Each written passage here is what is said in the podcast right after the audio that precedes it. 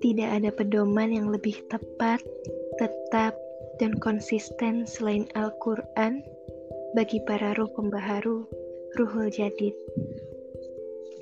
Ketika salah dan benar menjadi samar, hitam dan putih menjadi luruh, kemudian langkah kita menjadi gamang dan tak tegas saat menapak.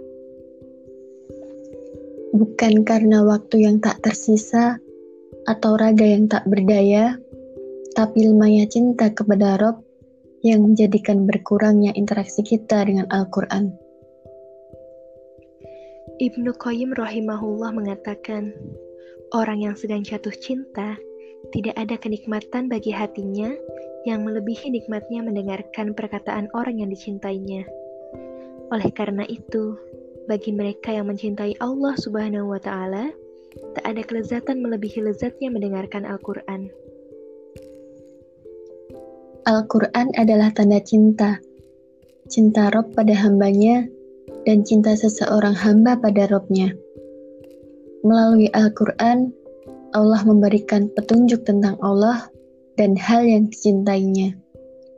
Melalui Al-Quran, seorang hamba membuktikan cintanya pada Robnya, yaitu dengan memaknai setiap pesan yang ada di dalamnya. Sungguh, Lisan yang sering kita sia-siakan ini milik Allah. Mata yang sering kita abaikan ini milik Allah. Lalu apa yang akan kita persaksikan di hadapan pemilik lisan dan mata nanti? Hati ini milik Allah. Maka, seberapa luas ruang yang kita siapkan untuk mencintainya dan menerima nasihatnya?